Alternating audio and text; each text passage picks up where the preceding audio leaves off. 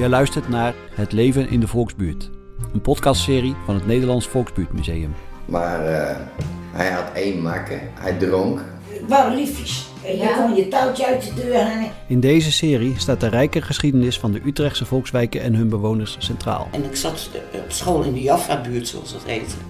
En nu ging ik naar Ogenhal en dat was, eh, ja, dat was Juf van Herten. Meer dan 100 volksbuurtbewoners zijn geïnterviewd over hoe het leven vroeger was. En die nonnetjes die wilden mijn haar eraf scheren, kan je je voorstellen. In deze serie hoor je fragmenten van die interviews. Volksbuurtbewoners delen hun herinneringen, Dat als je ruzie had met een sterrenwijker, had je eigenlijk met iedereen ruzie. leren ons lessen Ja, dat, dat je zeg maar dingen doet die jou liggen. en vertellen verhalen over het leven in de volksbuurt.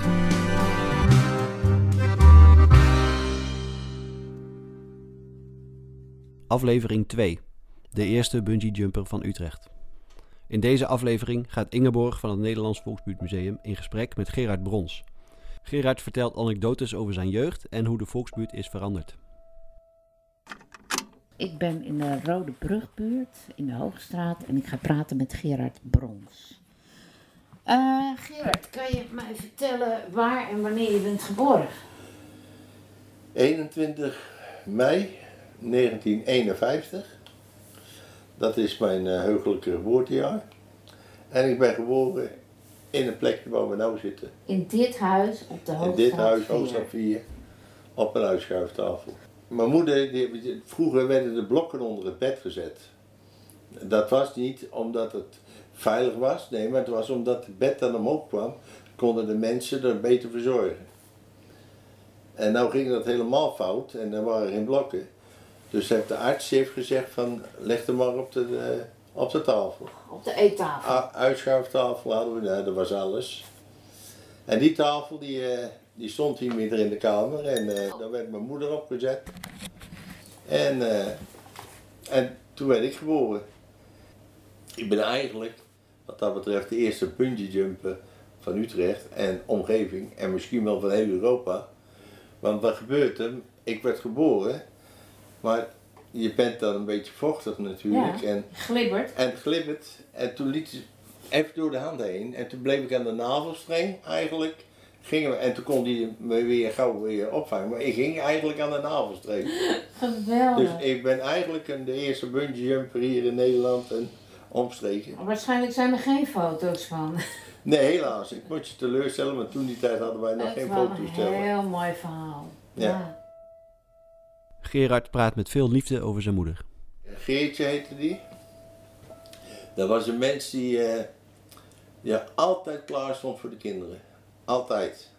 Altijd. eh, Het was een prachtig karakter wat dat mens had. Een beetje Heintje Davids-achtig. eh. Ja, ja, ja.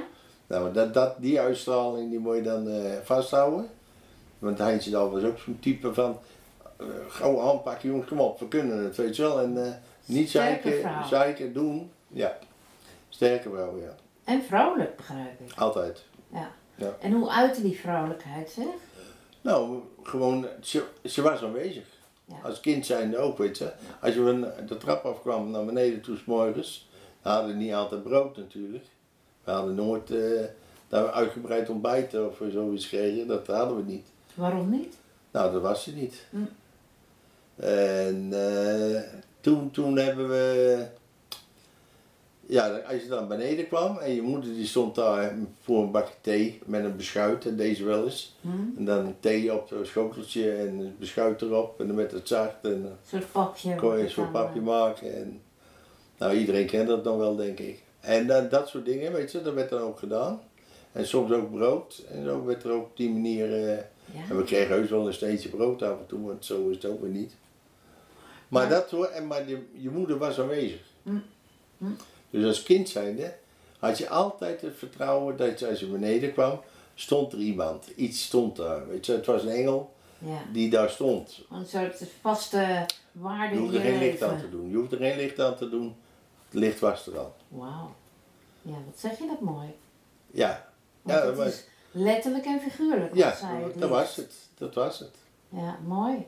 Ja, Mooi. zo hoort het ook. Gerards vader daarentegen was streng. Maar daar heeft Gerard wel begrip voor.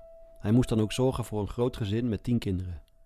Gerard had al vanaf zijn negende allerlei baantjes. Direct na school moest hij altijd werken. Tijd om te spelen was er niet. Ja, we spelen eh, bijna niet. Want als je thuis kwam s'avonds, voor het school ook, dan mochten we wel naar buiten toe gelijk. Weet je, dat, dat was voor ons de lust ons leven, buiten. Ja. Alleen, we mochten niet gelijk naar buiten toe, want dan moesten we eerst 4 kilo aardappels schillen. Dus dan deden we dat met een paar jongens. Of eh, ja, wie dan ook. En dan deden we aardappels schillen. Daar zat je vader bij. En als de schil knakte, dan kreeg je een draai in je oren. Want je moest heel dun schillen natuurlijk. Voor de uitzuinigheid. Uitzijnigheid. Ja. Ja. Dus als, het- als, als, als Ja. iets te dik was en mijn vader die pakte dan voor de test zo'n schil ertussenuit en die knakte, kreeg je een draai in je oren. En, en was, nu, nu denk ik dat is best wel grappig of zo, maar was je, was je daar bang voor? Want je zei ook, Nee, nee, nee. je vader was streng. Ja, heel streng. Hoe kwam het dat hij zo streng was? Dat weet ik niet. Weet je niet. Hield je ook van hem? Eh, soms wel, weet je wel, hij verdiende tot de kost. Hm. Maar meestal niet. Me- Meestal vond ik het een, een beetje een boeman. Dus je moeder was het licht Ja. En je En vader vader, was het donker. ja, dat was de hel. De hel. In mijn ogen. Ja. Maar je moet niet vergeten, hij heeft mij wel eens geslagen. En toen, hier was de gang en een deur. En er zat hier zo'n lichtknopje, zo'n, maar een, een bakkelieke lichtknopje, zei toen die tijd, van die ronde. En ik sta hier en mijn vader heeft me eerst wel eens geslagen met een pook van de kachel. Op mijn rug. En toen op een gegeven moment stond ik hier, als jochie zijnde, was toen niet zo, groot. En toen wou mijn vader die wou uithalen. En mijn oudste zuster, die halfzuster, Els, die springt voor mij. En die krijgt de klap. En die slaat met haar hoofd tegen een, het lichtknopje aan. En die had een groot gat in het vel. Dus ik weet nou, hoe hard hij mij, als hij mij dan echt zo hard sloeg. Weet je, zo ging dat. En dan kun je wel zeggen, ja, maar dan moet je, weet je, je moet nou gefrustreerd zijn of, of eh, Mhm. trauma hebben of iets. Nee, dat heb ik niet. Omdat je zelf relativeert. Mhm. Weet je, wat- jij vraagt, dat vroeg ik mij ook wel eens aan, waarom doe je het? Mhm. En als je daar geen antwoord op krijgt, dan ga je zelf een beetje relativeren en zeggen van, ja, hoe zou ik dat dan moeten gaan doen? Weet je, als jochie zijn. Nou, het enige wat ik toen gedaan heb, was, ik was eh, nog geen 16. En toen werd ik gaan varen. Gerard ging varen, hij ging werken, hij ging een avondcursus maatschappijleer doen. En als jochie van 16 jaar verdiende hij op een slimme manier geld. Ik had die eh, cursus gedaan, ik had gewerkt, weet je, als schillenboer ben ik geweest. En eh, in die tussentijd had ik heel veel baantjes gekregen. Als kind zijn haalden we water voor de hoeren langs het zandpad. En dan kregen we tien keer mijn zakgeld voor één keer water halen, bijvoorbeeld. En dan kreeg ik 2,50 Zo. van die dames. En dan, eh, ja, ze, wij noemden ze tante en zo. Weet je, wel. ja, je woonde in de buurt, dus eh, die kon ze eigenlijk, eigenlijk allemaal. En dan deden we een onderstel, gingen we water halen. Met een onderstel van een eh, wandelwagen. Daar hadden we een plankje op met twee melkbussen. En dan gingen we pomp, bij de pomp gingen we water halen. En Want ze brachten hadden geen waterleiding. Nee, ze hadden geen stromend En waar water. was een pomp dan? Die stonden er, twee, drie pompen stonden daar langs, eh, de, eh, langs de schuiten af. Op verschillende plekken. En dan ging je er langs lopen? En als kind zijnde, dan deden we vragen van eh, mooi water. Ja, ja, of ze riepen je jochie, haal even water. En dan pakte je zo'n melkbus. En dan ging je water halen. En dan eh, kregen we ja, Kreeg zo twee gulden? een gulden of 2,50. Of, Zo. En, en wist jij wat er gebeurde in die boten? ja, natuurlijk. Als jochie Ja. zijn er wel. Wij hebben daar ook, hè, wel, ik kan wel anekdotes vertellen, wel leuke dingen. Ja. Toen waren we iets ouder dan, 15, 16 jaar. En dan gingen we daar met een, een hele goedkope auto, gingen we daar rijden. En dan reden we langs die vrouwen en dan keken we in de spiegeltjes. We hadden geen rijbewijs of zo. Maar dan keken we in de spiegel en dan reed er een mannetje achter ons, weet je, met een mooie auto. En dan gingen wij op de rem staan en dan reed hij tegen je aan. En dan zeiden we, nou, de politie erbij, je bent tegen me aangereden. Dat wil je Nee, niet. nee, nee. Nee, maar het is voor schade. Ja, ik heb wel 100 gulden zijn. Nee, maar geeft de helft maar. Dat is goed. Weet je. Dus ze betaalden die omdat wij dan. eh, Want ze wilden niet op het zandpad eh Ja. betrapt worden. Och, je, een slimme, slimme truc. ja, ja, slim. hoor. Je, Ja. je leert dat soort dingen leer je. Ja. Toen was ik 16. Ja, zo rond die 16. En eh, toen had ik een autootje, een Opel, had ik gekocht van mijn broer. En die kon kopen voor 100 gulden. Toen heb ik die auto gekocht en toen ging ik zwart werken bij Frumona. Maar Gerard, met 16 mocht jij helemaal nog geen auto rijden. Nee, maar ja, het enige wat ik had, dat was een kentekenbewijs. Maar dat kon toen, want als je maar groot was, een beetje, en je zat achter het stuur en je deed net of je de prins was, dan hielden ze je ook niet zo gauw aan. Weet je, wel, iemand met een auto hield je niet zo gauw aan. De politie deed dat niet. En van wie had je rijden geleerd dan? Eh, dat deed je zelf hier in de wijk. Op, op. Ja, Weet je, met dat stoppen en zo. Ja. Dan, moet- dan moet jij rijden, dan ik. En dan, ja, Zo heel langzaam leer je dat. ja. Autorijden. Gerard leerde het in de buurt. Hij hoeft niet lang na te denken over de vraag hoe de sfeer in de wijk vroeger was. Maar mensen zaten dus, hoe, hoe was de sfeer van de wijk toen? Al werelds. Wereld. Werelds, ja, echt. Eh, iedereen hielp iedereen, maar ook kinderen. Want eh, zoals oudere mensen, weet je, die, daar liep je gewoon naartoe. En dan liep je ook zo naar de deuren, die stonden overal open. Mhm. En als kind zijn, iedereen kon ook de kinderen van die en die kinderen van die. En dan liep je bij iemand binnen en dan zei je, oh, moet ik een boodschapje doen of zo, weet je. En dan was er geen boodschap, dan kreeg je toch een snoepje. Ja, ja. En eh, moest je een boodschap doen, en dan kreeg je een handvol snoepjes als je terugkwam. ja. Weet je wel? En je zegt alle deuren stonden open? Alle deuren En in de winter een touwtje. Ja, altijd. Altijd. Touwtje overal. Altijd. Zomer en winter. Ja. Maar ook vaak dat de deur gewoon open stond als het weer is. En s'nachts werd het touwtje eruit gehaald. Nee, ja, soms wel, soms nog ineens. Maakt niet Dat was toen nog niet nodig. En waarom niet? Nou, omdat in deze wijken, weet je, vreemde mensen die vielen op. Hm. Want je had niks. Er stonden geen duizenden auto's in de straat. Er stonden geen duizenden fietsen tegen de gevels. Er stond niks. Dus als er iemand de straat in kwam lopen, of dat s'avonds laat was, was er altijd wel iemand wakker. En die hield het dan in de gaten. Wie is dat? Wie is dat? Dus wij hadden nooit geen. geen, geen, geen eh, maar in een ou- arme wijk, waar alle mensen gelijk zijn, ga je niet lopen stelen. nee. Weet je, ik ga niet lopen stelen bij jou, omdat je hier woont. Dan ben je, ben je me shocken, want je weet dat we allemaal niks hebben. En er was ook niks te halen natuurlijk. Daarom. Er was niet veel te halen in de wijk.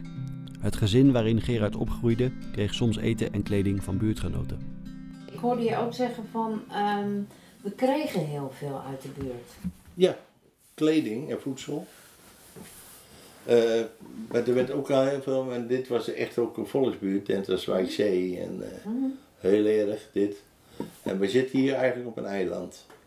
Het is een eiland in de stad Utrecht, want die zit helemaal ingebouwd hier. De vecht, spoor, de grote weg en eh, de, ja, nou, is- nou vroeger was het een polder, maar dat was het.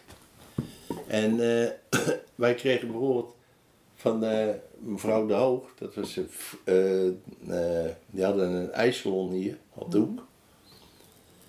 En dan kregen we wel eens op zondag paardenvlees. Hun hadden paardenvlees en dan waren heel welgevaren. En dan kregen wij van hun kregen we dan de jus aan. Ja. En dan zaten we met brood, zaten we de jus. Oh. Ja, je kan je eigenlijk niet Wacht even, voorstellen. jullie kregen paardenvlees of jullie kregen Nee, alleen een het restje? Nee, ja, de restje van de paardenvlees natuurlijk, want hun het- hadden gegeten. Maar dan bleef er iets over. En dan kregen wij dan die soep aan. En er zat dan ook nog een stuk paardenvlees in. Maar ja, dan kwam mijn vader natuurlijk eerst aan de beurt. En jullie mochten met En, brood... eh, en, daar, en dan gingen we met brood soppen in dat ding. En dan zat er wel eens draadjes vlees tussen. Nou, dan kon je je hele geluk niet op.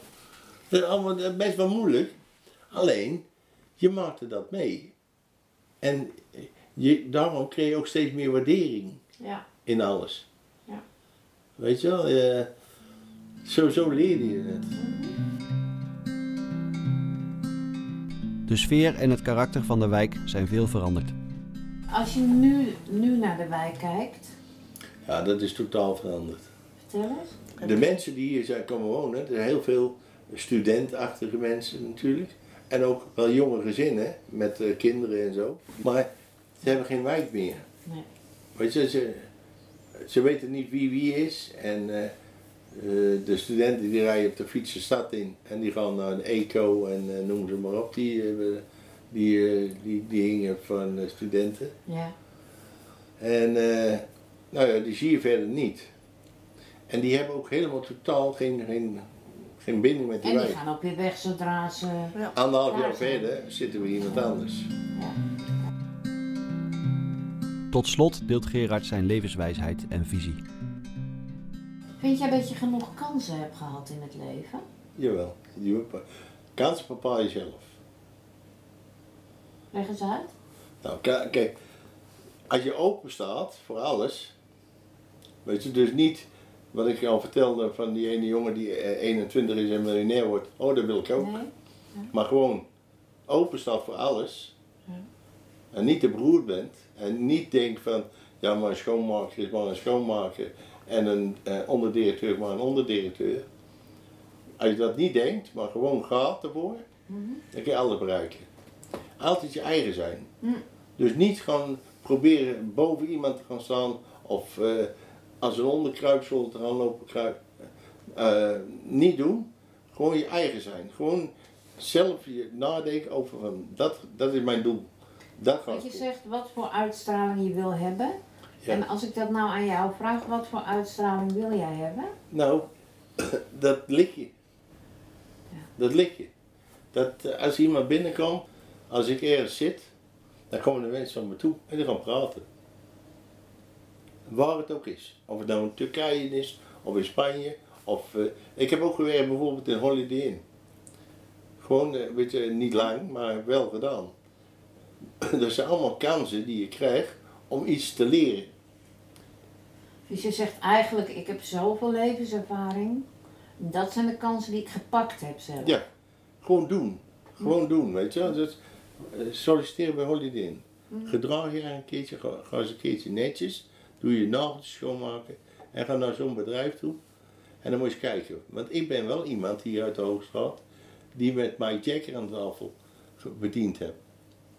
Balletjes Jacques en Mike Jagger. De hele, de hele, de hele, Van de de hele band. Stones? De Rolling Stones. Wow. Ja, Ja. kan je wel zeggen.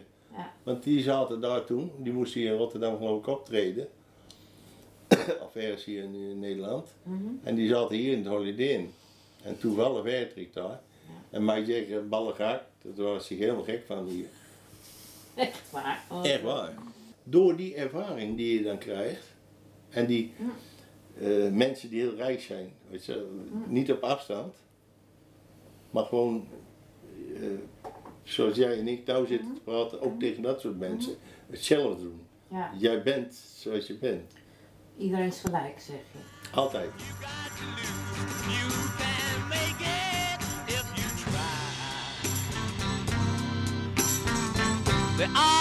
Told I could make it if I try. I'm gonna make it if I try. Yeah, make it if I try. If you try.